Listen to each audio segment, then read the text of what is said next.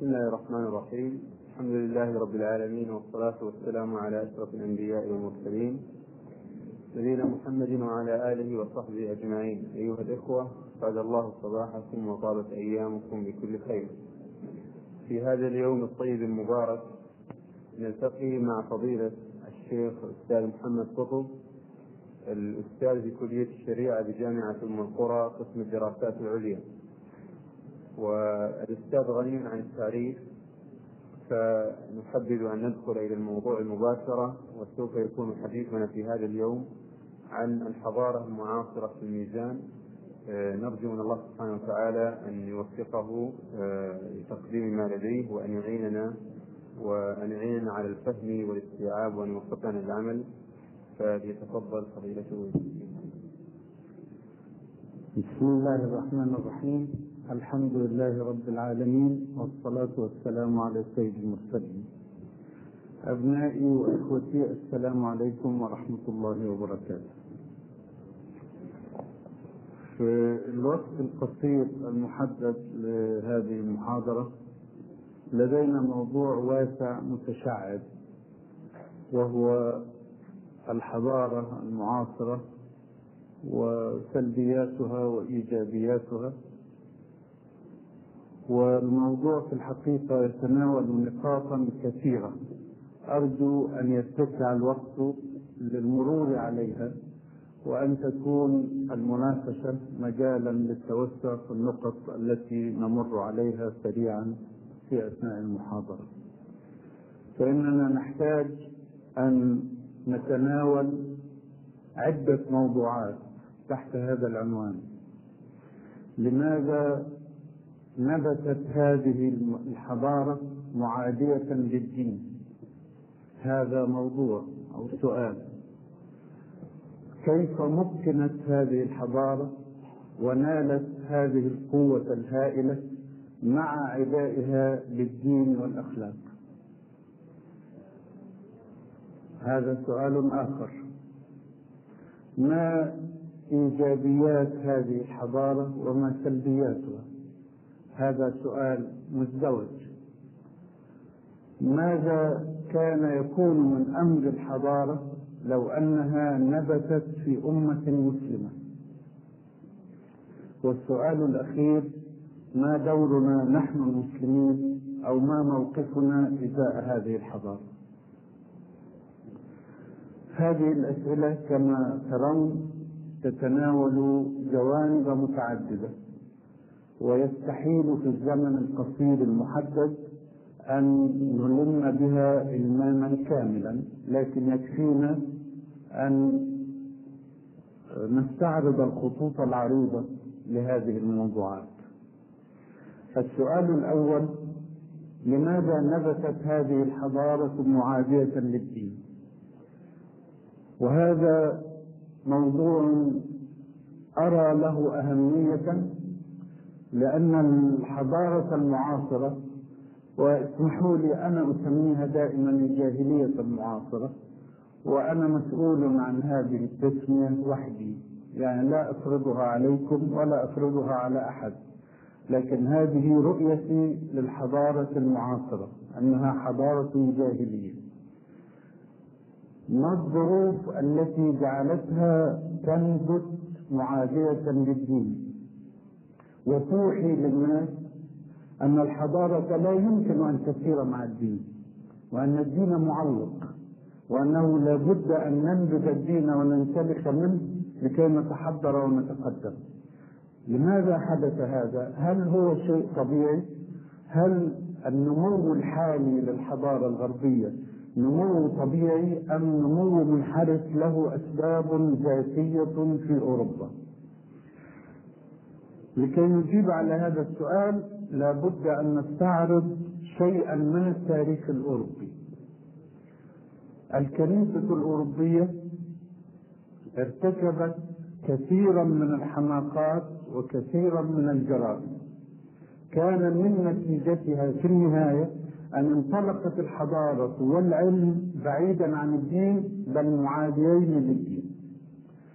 هذه الحماقات والجرائم التي ارتكبتها الكنيسة يمكن تلخيصها أولا في تحريف العقيدة. فإن الدين النصراني ككل دين جاء من عند الله هو دين توحيد ولكن الكنيسة قلبته إلى دين شرك وجعلت الله ثلاثة وهم في الوقت ذاته واحد. وجعلت عيسى ابنا لله سبحانه وتعالى وهو في ذات الوقت إله.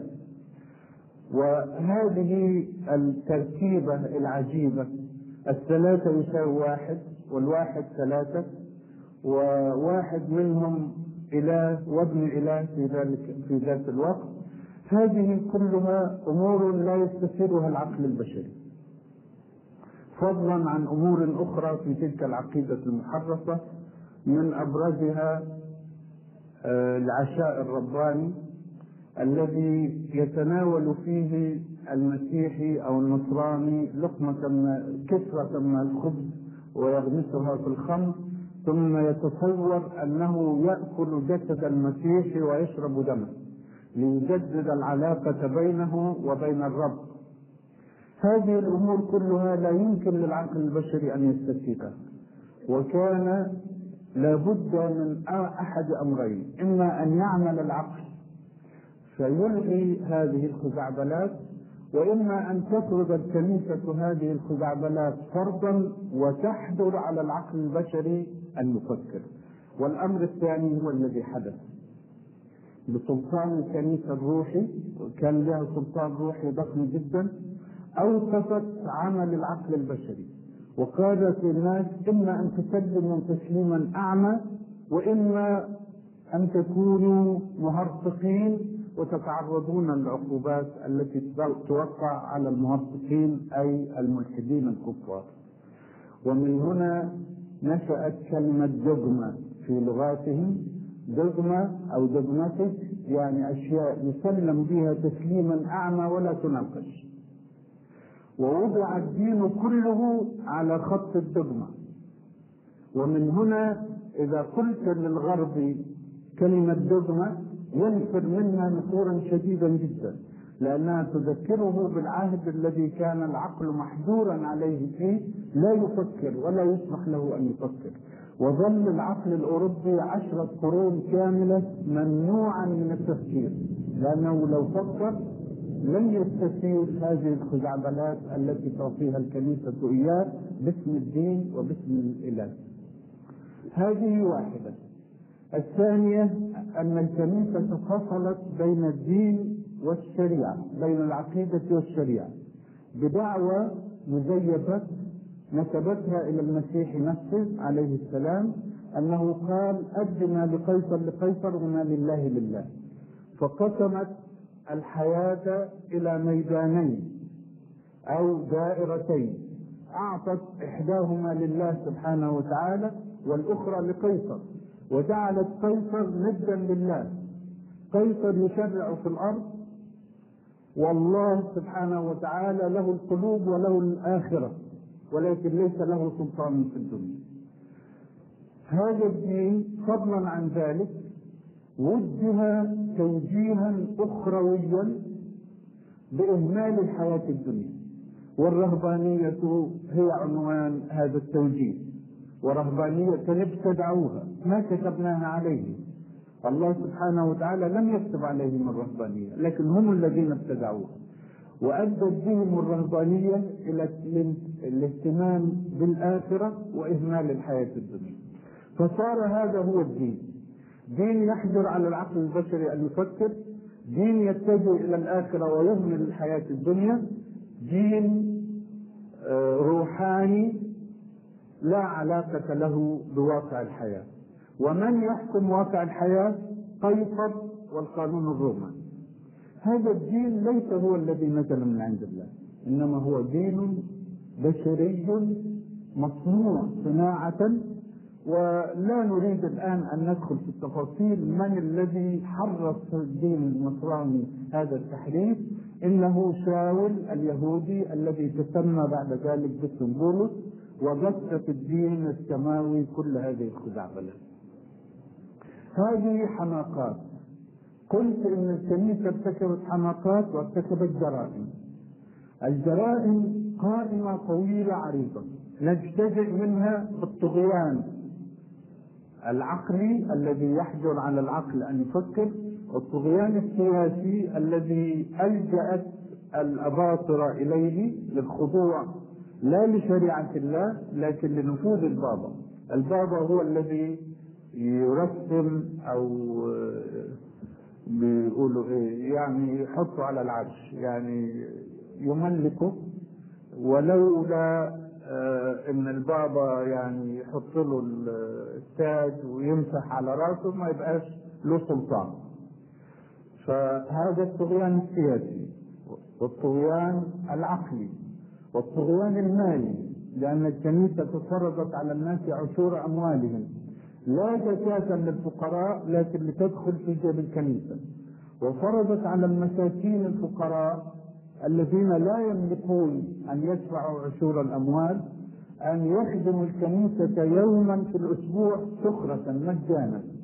يعني الفلاح الفقير الذي يشتغل ست ستة أيام ليأكل هو وأولاده ويستريح في اليوم السابع اليوم السابع مخصص للعمل مجانا في حقول الكنيسة. ثم أبشع من ذلك محاكم التفتيش. لما بدأ الناس يتفلتون من سلطان الكنيسة أقامت الكنيسة محاكم وحشية تعذب فيها الناس تعذيبا وحشيا بالنار وبالسياط وتحرقهم أحياء أحيانا لهاجس يهجس في أفكارهم. مجرد أن يشك في ولائه للكنيسة أو للنصرانية يحرق حيا. وهذه محاكم التفتيش الشهيرة في التاريخ كانت من أفظع جرائم الكنيسة إضافة إلى ذلك حاربت العلم والعلماء. ولما جاء كوبرنيكوس وجاليليو وجوردانو برونو الذين تعلموا من علوم المسلمين وقالوا إن الأرض كروية هاجت الكنيسة وحرقت واحدا منهم حيا والآخر هددته بأن تحرقه حيا لولا أنه مات قبل أن ينفذ فيه الحكم. وثالث تظاهر بالارتداد عن أفكاره حتى إذا كان على سرير الموت قال إن الأرض كروية وإنه يعني تصنع الكنيسة ما شاءت. ثم توفاه الله. هذا الطغيان العلمي الذي حاربت فيه الكنيسة نظريات علمية لا دخل للكنيسه بها.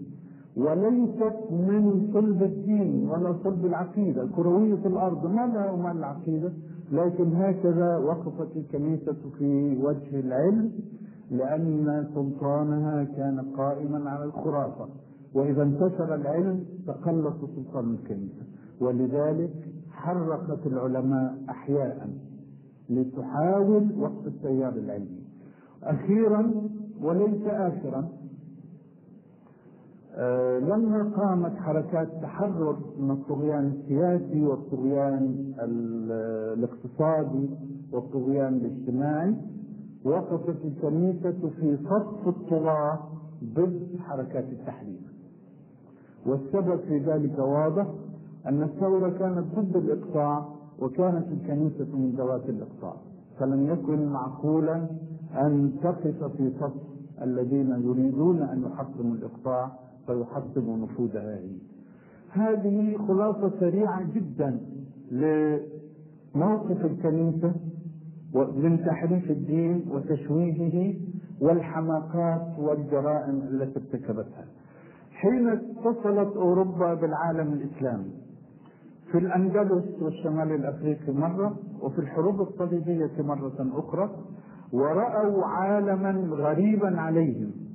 عالم ليس فيه بابوات عالم فيه دين مفتوح للعقل. كل من أراد أن يفكر يفكر. وهناك كتاب منزل مفتوح للجميع لكل من يعرف لغة هذا الكتاب. وليس تفسيره حكرا على رجال معينين هم رجال الكهنوت. ووجدوا حكومة تطبق شرعا ليس من عند هذه الحكومة إنما هو من عند الله وتطبقه بالسوية على كل الناس. وجدوا عالما مختلفا تماما ووجدوا فوق ذلك علوما متقدمة في الطب وفي الفلك وفي الرياضيات وفي الفيزياء وفي الكيمياء وفي غيرها من العلوم. فتأثروا تأثرا بالغا بهذه العلوم وهذه الأفكار وبدأت النهضة الأوروبية منذ احتك الأوروبيون بالبلاد الإسلامية. ماذا تتوقعون من هذه النهضة؟ هل تسير مصادقة أم معادية لدين الكنيسة الأمر الطبيعي في الظروف التي أحاطت بأوروبا أن تنشأ النهضة معادية للدين. لكن في البشر حين لا يهتدون بالهدى الرباني ينتقلون كثيرا ما ينتقلون من حالة إلى الحالة المضادة تماما. هي مسألة رد الفعل. الإنسان الذي يتحرك بردود الفعل لا بوعي واستقامة وإرادة وحرية إنما مدفوع ينتقل من النقيض إلى النقيض. فانتقلت أوروبا من الخضوع للدين إلى النفور الكامل من الدين. يعني خروجها من دين الكنيسة كان أمرا حتميا إذا أرادت أن تتقدم لأن ذلك الدين لا يصلح للحياة ولا يصلح للعلم وهو يصرف الناس عن الدنيا كلها والكنيسة تحرك العلماء يعني إذا أرادوا العلم وإذا أرادوا عمارة الأرض فلا بد لهم أن ينسلكوا من ذلك الدين. لكن هل كان من الضروري أن تنسلك أوروبا من الدين كله؟ لا. هنا نقطة الخطل أو الاضطراب أو الخلل في الحياة الأوروبية. خرجت من الدين الفاسد. هذا أمر كان صوابا. وكان لابد أن تصنع ذلك لكي تتقدم وتتحضر. أما أن تخرج من الدين كله فهذا هو الخلل الذي نشأ من حالة رد الفعل. واحد مكبوت عقله مكبوت عشر قرون يريد أن ينطلق بعقله. ولو دمر كل الحواجز الحواجز فيها حواجز ضرورية لكن هو لأنه مكبوت لأنه مسجون يريد أن يدمر كل الحواجز أمامه. ولا يقف عند نقطة الوسط المتوازن. ومن هنا نشأت الحضارة الأوروبية من أول لحظة رغم أنها مستمدة من الإسلام مستمدة من المسلمين. أوروبا أخذت علوم المسلمين وأخذت حضارتهم المادية ورفضت الإسلام. وهذه نقطة الخلل الأولى والكبرى في الحياة الأوروبية التي امتدت حتى وقتنا هذا. فصارت الحضارة الجاهلية أنا أسميها حضارة جاهلية. كإنسان له ساق طويلة جدا جبارة جدا وساق ضامرة جدا. الساق الطويلة المتضخمة هي الساق العلمية هي الساق المادية. لكن الساق الحضارة الروحية أو الأخلاقية ضامرة جدا. هذه نشأة الحضارة الأوروبية ننتقل إلى السؤال الثاني. كيف مكن لهذه الحضارة في الأرض مع خوائها الشديد في الجانب الروحي والجانب الأخلاقي؟ يبدو لأول وهلة أن هذا مخالف للسنن الربانية. لكن لو تمعنا في كتاب الله نجد أن هذا منصوص عليه في كتاب الله أنه يحدث وانظروا إلى الآية الكريمة فلما نسوا ما ذكروا به فتحنا عليهم أبواب كل شيء. هذه هي أوروبا. نسيت ما ذكرت به من قبل الله سبحانه وتعالى. أي أعرضت عنه. النسيان هنا هو الإعراض. ليس النسيان الذهني إنما نسيان القلب. أعرضت عن الدين أعرضت عما ذكرت به من عند الله سبحانه وتعالى. فلما نسوا ما ذكروا به فتحنا عليهم أبواب كل شيء وتستطيعون أن تتصوروا تحت هذا التعبير أبواب كل شيء كل ما تتخيلون من أنواع القوة القوة العلمية القوة التكنولوجية القوة الحربية القوة السياسية كل ما يمكن أن يخطر على البال من أبواب القوة داخل في قوله تعالى فتحنا عليهم أبواب كل شيء لكن السنة الربانية لها تكملة. يعني هذا مقدم السنة. فلننظر في بقية الآية والآية التالية. فلما نسوا ما ذكروا به فتحنا عليهم أبواب كل شيء حتى إذا فرحوا بما أوتوا فرحوا بمعنى طغوا بغير الحق حتى إذا فرحوا بما أوتوا أخذناهم بغتة فإذا هم مبلسون فقطع دابر القوم الذين ظلموا والحمد لله رب العالمين. السنة بدايتها التمكين للكفار.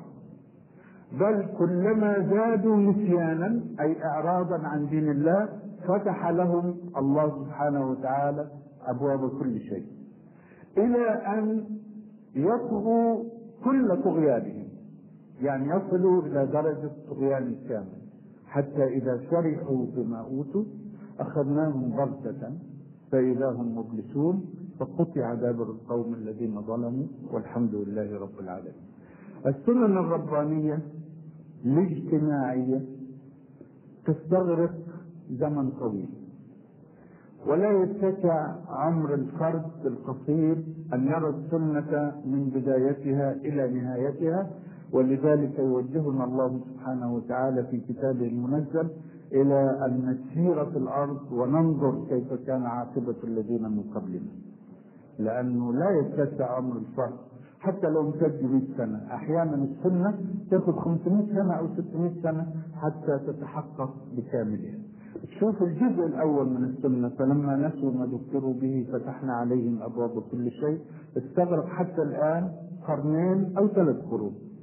والباقي لكن بوادر الانهيار بدأت الآن في الحضارة الغربية. هذا الرد على السؤال الثاني كيف ممكن كيف مكن الله اولا هذا التمكين ليس خارجا عن سنن الله ولا خارج عن مشيئة الله سبحانه وتعالى كما قد يخيل لبعض الجاهليين أنهم خرجوا عن سلطان الله سبحانه وتعالى أنه لم يعد له عليهم سلطان أنهم يصنعون ما شاء وعندهم قوة قوة مادية قوة عسكرية قوة علمية ماذا يصنع الله فيهم؟ لو إحنا نظرنا نظرة قريبة نجد يعني السنن الربانية متكاملة. إلى جانب هذه السنة سنة التمكين للكفار فترة من الوقت. في سنن أخرى قل هو القادر على أن يبعث عليكم عذابا من فوقكم أو من تحت أرجلكم أو يلبسكم شيعا ويذيق بعضكم بأس بعض. والإيد وحده آية من آيات الله. قل هو القادر على أن يبعث عليكم عذابا. هم بيقولوا كل شيء عندنا دلوقتي في الكمبيوتر. أنتوا يا متدينين يا متأخرين بتسيبوا الأمور المجهولة لقدر الله وتقولوا هذا قدر الله. لأنكم ما عندكمش نظام ما عندكمش علم ما عندكمش كمبيوتر لكن إحنا عندنا كل شيء في مكانه المضبوط فلا نفاجأ بشيء ولا نكل إلى قدر الله شيئا لأنه كله زي ما هم بيقولوا Man Makes Himself الإنسان يصنع نفسه. يعني ما بقاش في إله إنما الإنسان هو اللي بيعمل كل شيء. Man Stands Alone دول اللي أنا قلتهم دول أسماء كتابين. كتاب اسمه Man Makes Himself نسيت الآن مؤلفه لكن موجود في السوق. هناك يعني.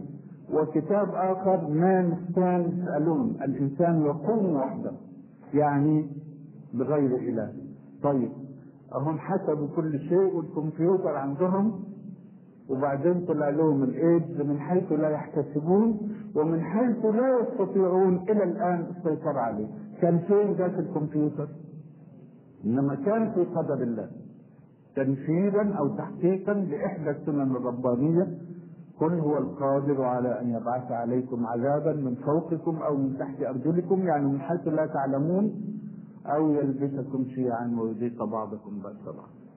ننتقل إلى السؤال الثالث اللي يمكن هو صلب المحاضرة اللي هو إيجابيات وسلبيات هذه الحضارة. لما بنقول أن هذه حضارة جاهلية ليس معناها أنها خالية من الإيجابيات أبدا. وكلمة جاهلية آه، ليست نقيضا من العلم الأرضي كما يخيل للناس أحيانا. وبعدين أنا كان لي كتاب اسمه جاهلية القرن العشرين. يوم ما طلع وإلى الآن في ناس يقولوا كيف تصف هذه الحضارة أو هذا العصر بأنه جاهلي وقد وصل الإنسان فيه إلى القمر وفتت الذرة وأطلق طاقتها وصنع وصنع وصنع. الجاهلية في المعنى القرآني لأن هذا اللفظ لفظ قرآني يعني لم يستخدم قبل أن ينزل في القرآن. في جاهلة وجاهل ويجهلون كل ده موجود في اللغة.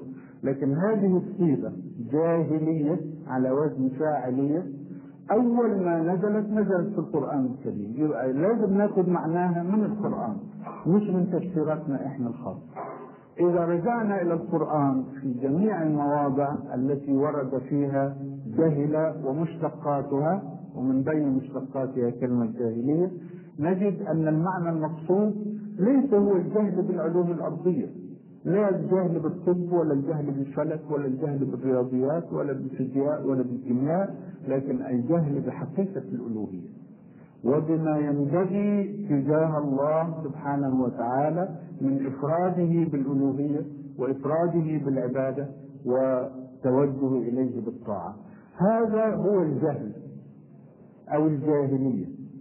وبهذا المقياس نقول إن هذه الحضارة جاهلية مع كل العلم الأرضي الموجود فيه وإذا رجعتم كتاب الله تجدوا أنه يقول عن جاهليين سابقين أنهم حينما جاءهم بأس الله فرحوا بما عندهم من العلم. يعني ربنا ما بينفيش عنهم العلم. العلم الأرضي موجود عندهم. وبيسجل عليهم أنهم فرحوا بما عندهم من العلم. لكن هذا لا ينفي عنهم أنهم جاهليون إنما الجاهلية لموقفهم من الله سبحانه وتعالى وموقفهم من منهج الرباني. هل هم مطبقون له أم هم معرضون عنه مزورون عنه؟ فهذه هي الجاهلية. وبهذا المقياس الرباني نقول عن الحضارة الموجودة الآن إنها حضارة جاهلية.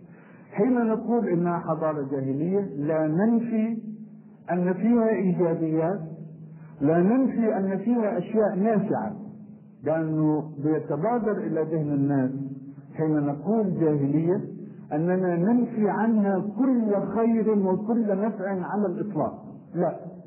ما في جاهلية من جاهليات التاريخ خلت إما من علم وإما من بعض القيم النافعة. لكن ليه اسمها جاهلية. أولا هذه تسمية الله لها وليست تسميتنا نحن. ثانيا لأن احتلال القاعدة يذهب بالخير الجزئي الموجود في تلك الحضارات. فيها خير فيها منافع فيها علم وفيها كذا وكذا وكذا. لكن القاعدة مختلة. إيه هي القاعدة المختلة؟ أنهم لا يريدون أن يعبدوا الله. ولا يريدون أن يتبعوا منهج الله. فهذا الخلل في القاعدة يجعل القاعدة مائلة. فكل الخير الموضوع عليها في النهاية ينزلق ويذهب ويغلب الشر عليه. والجاهلية المعاصرة خير نموذج لهذا. قمة في العلم. يعني ما وصل الجاهلية في التاريخ كله إلى ما وصلت إليه الجاهلية المعاصرة في التقدم العلمي. قمة في التقدم التكنولوجي. يعني الآن أصبحت ضغط الزر ممكن تجيب لك أنباء العالم كله. ضغط الزر ممكن تصعد بك إلى الفضاء. ضغط الزر ممكن تطلق صاروخ أو قنبلة مدمرة أو تشغل مصنع بكامله فهذا تقدم علمي وتكنولوجي ضخم جدا لم يتح لأي بشر في التاريخ الماضي. عندهم بعض الأخلاقيات حنتكلم عنها دلوقتي وبعض المبادئ النافعة المستقيمة هي في ذاتها. لكن كما قلت لأن القاعدة مختلة لأن القاعدة مائلة منحرفة فإن هذا الخير الجزئي في النهاية يذهب. وخذ القضية في جوهرها. الحضارة لمن؟ الحضارة للإنسان. يعني المفروض أنها ترتفع بالإنسان. خذ الإنسان في النهاية. خذ كل ما في الديمقراطية من ضمانات ومن حقوق لم تكن للبشر قبل ظهور الديمقراطية. فين البشر هم؟ البشر الأوروبيين. وإلا فإن المسلمين عرفوا كل القيم وكل المبادئ الموجودة في الديمقراطية قبل ظهور الديمقراطية باثنى عشر قرنا لكن إحنا خلينا في الواقع الآن. الإنسان الأوروبي أو الغربي ال- الذي يعيش في الديمقراطية وتعطيه الديمقراطية حقوقا وضمانات هي في ذاتها أشياء نافعة وأشياء ضرورية. وخذ إلى جانبه التقدم التكنولوجي وما يصبر على الإنسان من الجهد لأن حمل الجهد للآلة بدلا من أن الإنسان هو اللي يحمل الجهد حمله للآلة. كل هذه أشياء نافعة وضرورية.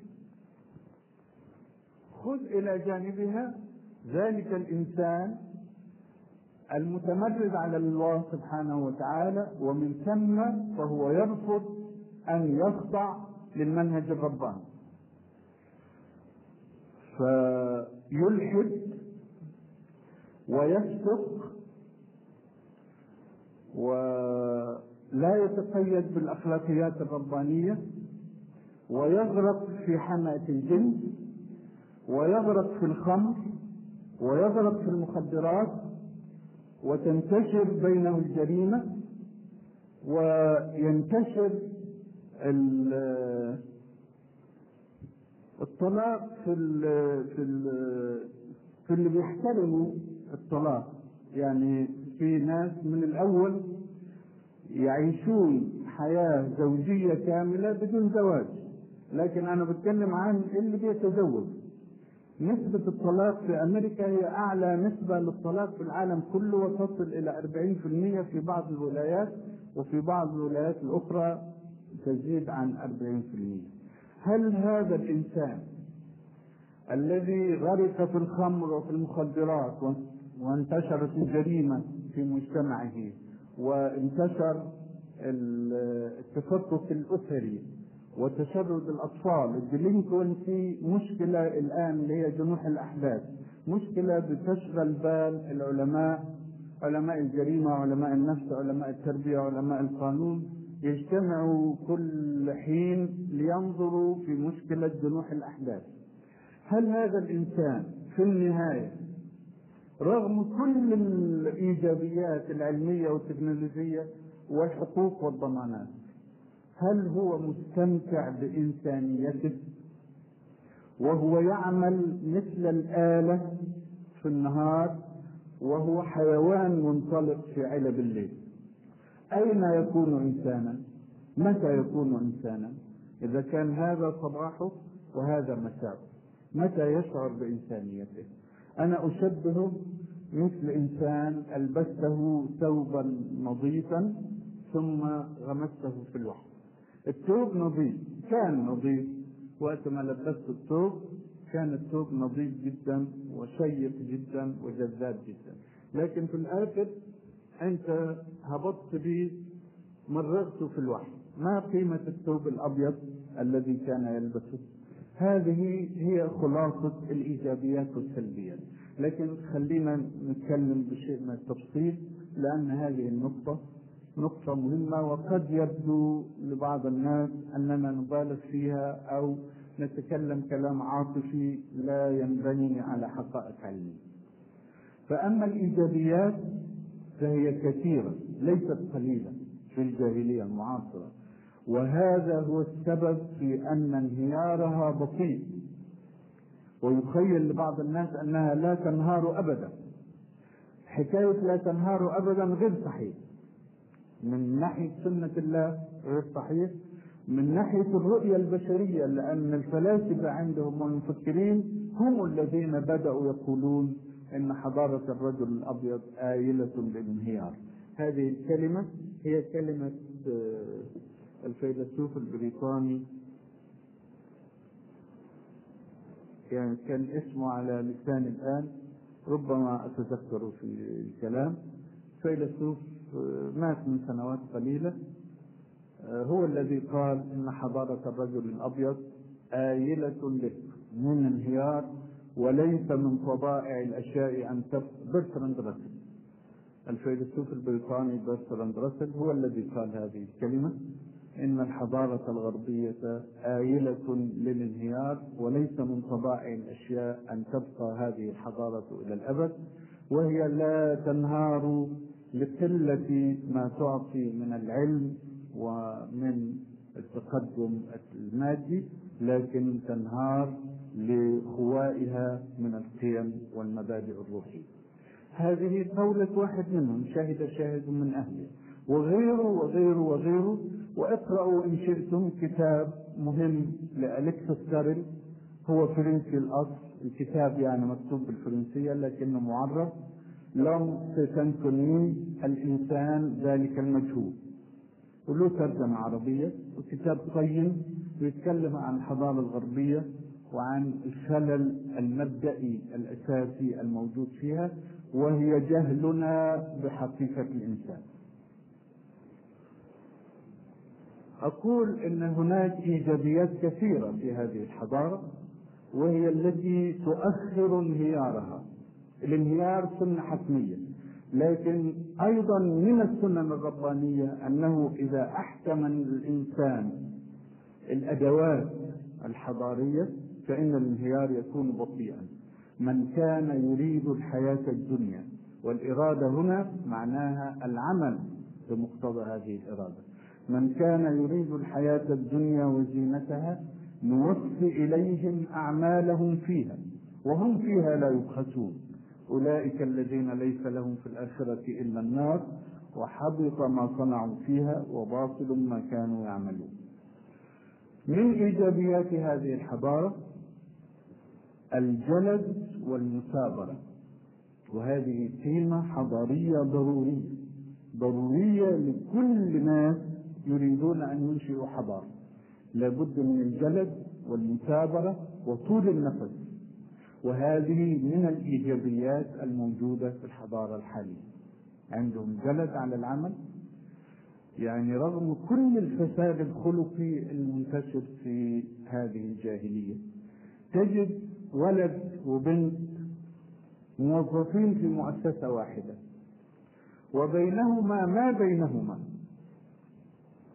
مما يحرمه الله ساعات العمل الست ساعات عمل كاملة لا يلتفت أحدهما إلى الآخر لا يسلم لا يبقى عليه عمل. هذه من الإيجابيات. يعني لم تقم هذه الحضارة بدون إيجابيات ولا يمكن أن تقوم حضارة بدون إيجابيات على الإطلاق. فالجلد على العمل وإعطاؤه حقه يعني إعطاء العمل حقه عدم خلط الجد بالهز تخصيص وقت للعمل كله عمل وبعدين الفراغ يقضى بأي صورة لكن وقت العمل لابد أن يقضى. المثابرة في المعمل على الأبحاث العلمية المثابرة على التفكير اللي هي بتنشئ الاختراعات هذا كله من الإيجابيات الجد والجلد والمثابرة. من إيجابياتهم أيضا التنظيم. عبقرية التنظيم. ولا تكون حضارة بالفوضى. لابد من تنظيم. والحضارة الموجودة الآن عند أوروبا حضارة منظمة تنظيم دقيق جدا. صحيح إن التنظيم الآلي طغى واستعبد الإنسان. الإنسان نفسه أصبح مستعبدا للآلة. هذه مسألة ثانية نتكلم عنها في السلبيات لكن من حيث النظام من حيث عبقرية التنظيم من حيث استغلال كل ثانية من الوقت لتنتج منه فائدة هذا موجود في إيجابيات هذه الجالية من الأشياء البسيطة جدا يعني اللي بتدي عنوان التنظيم.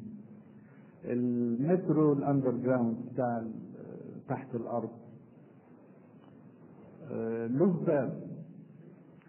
الباب فيه حاجز علشان الناس لا تتدافع إلى القطار وهذا الحاجز يدخل واحد واحد حتى يدخل الناس منظمين في تذكرة بتاخدها انت تفتح لك الباب. يعني في ثقب تضع في هذه التذكرة فتفتح لك الباب. هي بتفتحه بمجال مغناطيسي هي فيها مغناطيس التذكرة والجهاز يتلقى هذه المغناطيسية فيفتح لك الباب. لما تحاول إنك أنت تخدع هذا الباب بإنك أنت تشتغل بتذكرة قديمة ما يفتحش الباب. لأنه مرورها مرة واحدة بيمسح المغناطيسية اللي فيه. فلا ينفتح الباب إلا باستعمال التذكرة الجديدة. وبعدين الباب يفضل قابل للفتح طول ما القطار موجود في المحطة أو لم يصل بعد إما أنه لم يصل بعد أو إنه موجود على الرصيف لما يبتدي يتحرك أو قبل ثواني من تحركه لا ينفتح الباب ولو كان عندك تذكرة ممغنطة جديدة لأنه معمول حساب في التنظيم أنك لا تندفع في آخر لحظة فقد تسقط تحت عجلات القطار. هذه كلها تنظيمات ده مثل بسيط جدا من أمثلة التنظيم أو عبقرية التنظيم يستغل فيه العلم يستغل فيه التكنولوجيا لتنظيم الحياة وتصبح الحياة منظمة جدا. هذه مزية إيجابية ولا شك. الدقة في المواعيد في الوقت وفي ضبط المواعيد. دقة متناهية. لما يبقى عندك ميعاد الساعة خمسة يعني هي خمسة. مش خمسة إلا خمسة ومش خمسة إلا عشرة. بالمناسبة أنا تأخرت اليوم. لكن تأخرت لأني لا أعرف المكان ودرت دورة طويلة. أنا وصلت هنا تسعة إلى عشرة لكن ظللت أدور في المكان حتى اهتديت إليه. فالمواعيد لها انضباط. شديد جدا. وحين يضطر إنسان وكل إنسان ممكن أن يضطر يقع عليه تقع له ضرورة تخليه يخلف الميعاد. لابد أن يتكلم بالتليفون أو ببرقية والبرقية توصل في ساعتها مش تبعت البرقية النهارده وتوصل بكرة. تعتذر أنت ميعادك الساعة خمسة هتيجي خمسة ونص بتعتذر ثالثا تقول إنه اضطرتني ظروف إن أنا أتأخر فأرجو المعذرة أو موعد ثاني إذا كان صاحب الموعد مشغول. تدخل في عيادة الطبيب فلا تجد أحدا إلا أنت. ليه؟ لأن كل واحد واخد ميعاد. ميعاده الساعة كذا. وتجد مريض في الداخل عند الطبيب وأنت تنتظر دورك. وما يجي ازدحام وأنت جالس. ويتدافع الناس ويبص من الباب ويخبط يستعجل بالصوت هذا كله. غير موجود لأن الحياة منظمة والناس يربون على النظام من طفولتهم. وهذه من إيجابياتهم. في التربية طبعا إحنا ما نقدرش نقول كل حاجة في الساعة دي لكن هم بيربوا الطفل في شهوره الأولى بل في ايامه الأولى على النظام. تنظيم الرضعات تنظيم الإفرازات يتعود على النظام قبل أن يعي. فإذا وعى نشأ منظما لا فوضوي فمن إيجابياتهم كما قلنا الجلد والمثابرة عبقرية التنظيم آه، ضبط الوقت الشعور بقيمة الوقت الروح العلمية في تناول الأمور. يعني عندهم مشكلة ما يبقاش الهوى وما يبقاش الخاطر العفوي آه، كل واحد يقول نحلها بالطريقة الفلانية وتتضارب الأقوال وتتضارب الحلول ثم تنتهي إلى لا شيء. لا تدرس دراسة علمية. ما السبب في المشكلة؟ كيف نشأت؟ ما تاريخها؟ ما حجمها؟ ما الذي يمكن أن يعمل لتلافي هذه المشكلة أو حلها؟ بروح علمية كل هذه من الإيجابيات.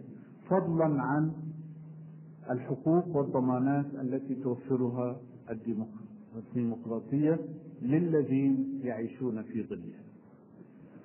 السلبيات إلى جانب هذا السلبية الكبرى هي عدم الخضوع لله لا اعتقادا ولا اتباعا. لمنهجه سبحانه وتعالى. ومن أقوالهم في موجة الإلحاد الموجودة الآن إن الله هو الذي إن الإنسان هو الذي خلق الله وليس الله هو الذي خلق الإنسان. يعني الله أسطورة وهم خلقه خيال الإنسان. وواحد منهم من عتاة علمائهم الملحدين أظن لسه عايش والله أعلم جوليان هاكسلي ده دارويني neo-Darwinist من الداروينية الحديثة. يقول إن الإنسان قد خضع لله بسبب العجز والجهل. والآن وقد تعلم وسيطر على البيئة فقد آن له أن يحمل على عاتق نفسه ما كان يلقيه من قبل في عصر العجز والجهل على عاتق الله ومن ثم يصبح هو الله. ومن أقوالهم لقد شب الإنسان عن الصوت ولم يعد في حاجة إلى وصاية الله. هذه الروح المتمردة على الله حين يتمرد الإنسان على الله يقع في قبضة من؟ يقع في قبضة الشيطان. ألم أعهد إليكم يا بني آدم ألا تعبدوا الشيطان إنه لكم عدو مبين وأنا اعبدوني هذا صراط مستقيم. هو العبادة عبادتين اثنين. ما في إلا هاتين العبادتين. إما عبادة الله وإما عبادة الشيطان. والذي يزعم أنه لا يعبد شيئا هو على الأقل يعبد هواه. أفرأيت من اتخذ إلهه هواه؟ الهوى يبقى إله وهو تبع الشيطان أيضا. هذه المناسبة أقص لكم قصة واقعية طرفة واقعية معبرة. كان أخي سيد كان ذهب إلى أمريكا سنتين من عمره مبعدا من القاهرة. يعني أبعدوه في بعثة إجبارية إلى أمريكا وقال المسؤولون يومئذ لعله أفكاره تنصلح حين يذهب إلى أمريكا. يعني يترك الإسلام ويترك ففي أثناء وجوده هناك جلس ذات يوم في حديقة عامة. فجاء رجل أمريكي أبيض اقترب منه ووقف عنده في حذر. ثم سأله هل أنت أمريكي؟ قال لا فجلس. وحكمة هذا قد لا تكون مفهومة عندكم. لو كان هو أمريكي يبقى ملون. ولا يجوز للأبيض أن يجلس إلى جوار الملون. لكن إذا كان أجنبي ما في مانع من أنه يجلس إلى جانب واحد ملون فهذا سؤال الأصلي هل أنت أمريكي؟ إذا قال له أيوة ما يقعدش جنبه لكن لما عرف أنه هو فقال له من أين أنت إذا؟ قال أنا مصري قال أنت إذا مسلم؟ قال نعم قال أنا لا أعرف كثيرا عن الإسلام فهل حدثتني عنه فجلس سيد ساعة كاملة فيما قص لنا يحدثه بما فتح الله عليه في الإسلام. والرجل يصغي وينصت وهذا من إيجابياته لا يقاطع يستمع. وفي النهاية قال كل ما قلته عن الإسلام قد يكون صحيحا ولكن الإله الذي أعبده نص كلامه but the only divinity I know is the dollar. الإله الوحيد الذي أعرفه هو الدولار. وهذه شهادة شخصية من أحدهم. هكذا في حسه أن الدولار هو الإله. مش على المجاز لما بيقول الرسول عليه الصلاة والسلام تعس عبد الدرهم تعس عبد الدينار. نترجمها إحنا دلوقتي تعس عبد الدولار. هو عبد حقيقي للدولار.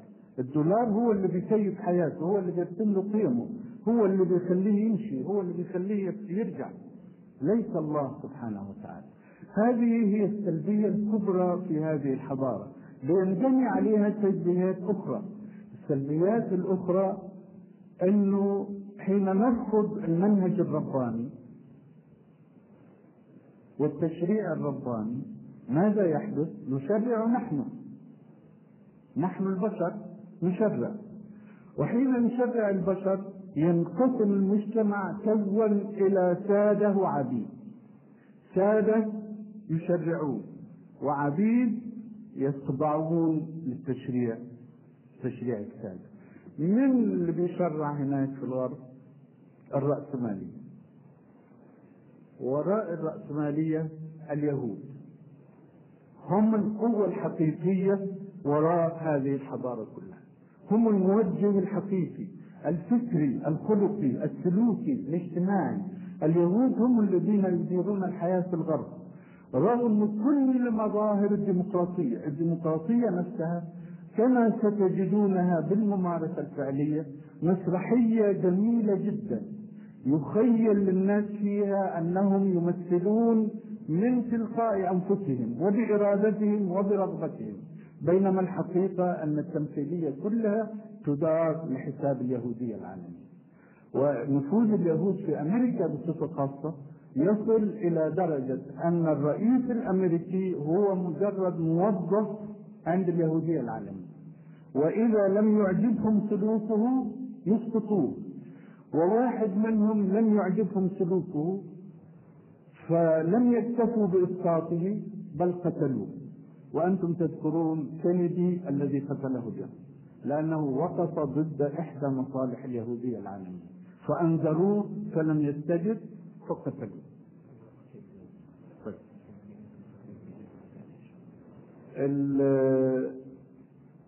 هذه السلبيات تنعكس على المجتمع كما قلت في فساد خلقي في إدمان الخمر وإدمان المخدر وفي انتشار الجريمة. كل هذه دلالات سيئة. الخمر هروب. لو كان الإنسان سعيدا لماذا يهرب من واقعه هو بيهرب لأنه غير سعيد. ولو كان مستمتع بالسعادة السعادة التي يحفظها الله للمؤمن فقط. ولو أن أهل القرى آمنوا واتقوا لفتحنا عليهم بركات من السماء والأرض. الذين آمنوا وتطمئن قلوبهم بذكر الله ألا بذكر الله تطمئن القلوب. الذين لا يؤمنون بالله ولا يتبعون منهجه محرومون من البركة ومحرومون من الطمأنينة. فهو شقي فيهرب في الخمر يهرب في المخدرات يريد أن يبعد شبح التعاسة الذي يعيشه في جو مصطنع فينسى حينا ويصحو أشد شقوة فيدمن. الجريمة نفسها إيش دلالتها؟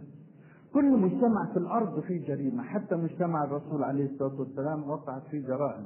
لكن النسبة تختلف بين مجتمع نظيف في حوادث فردية وبين مجتمع لا تأمن فيه أن تسير. كنا في مؤتمر في بنسلفانيا ذات سنة وخلصنا المؤتمر. حبينا نتمشى في شوارع المدينة فحذرنا الإخوة المسلمون الذين دعونا للمؤتمر. قالوا لا تخرجوا بعد غروب الشمس. ليه؟ قالوا في عصابات. وبعدين حكوا لنا عصابات راقية جدا. مش زي عصاباتنا إحنا المتأخرة. عصابات مهندسين. مهندسين معماريين. مأجرين شوية زنوج. يسلطوهم على حي من أحياء المدينة من اللي فيه بيوت قديمة يقتلوا ويسرقوا وينهبوا ويغتصبوا فيفر أهل الحي من ذلك الحي. يكون المهندسين بنوا له حي جديد في فيلات وعمارات. يقوم يخرج الناس من هنا يروحوا في الحي الجديد. الأرض ترخص لأنه ما فيهاش ما فيش طالب لها وسمعتها الأمنية سيئه فالعصابة تشتريها وتبني عليها بيوت وفيلات وتسلط الزنوج على حي آخر من أحياء المدينة. وهذا هو الأمن الراقي المتحضر. طبعا دي كلها سلبيات. آه، في سؤالين أخيرين نختصرهم لأن الوقت انتهى وقبل هذا الإنذار أنا عامل حساب الوقت.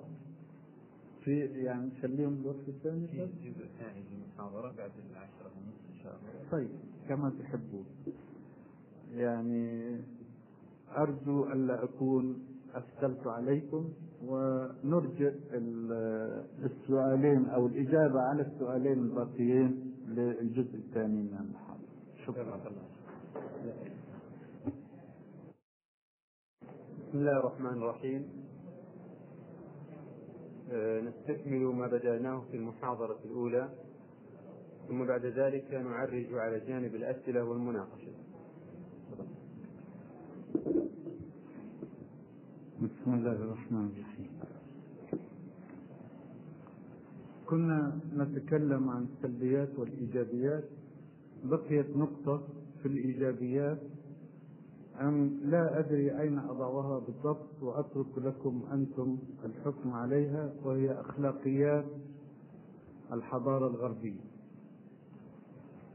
الحقيقة أن مظهرها جميل جدا وخادع جدا أيضا وفي كثير منها هي أخلاقيات الإسلام.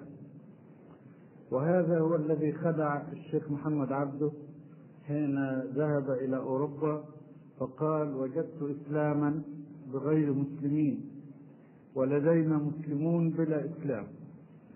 الجزء الثاني من الكلمة صحيح.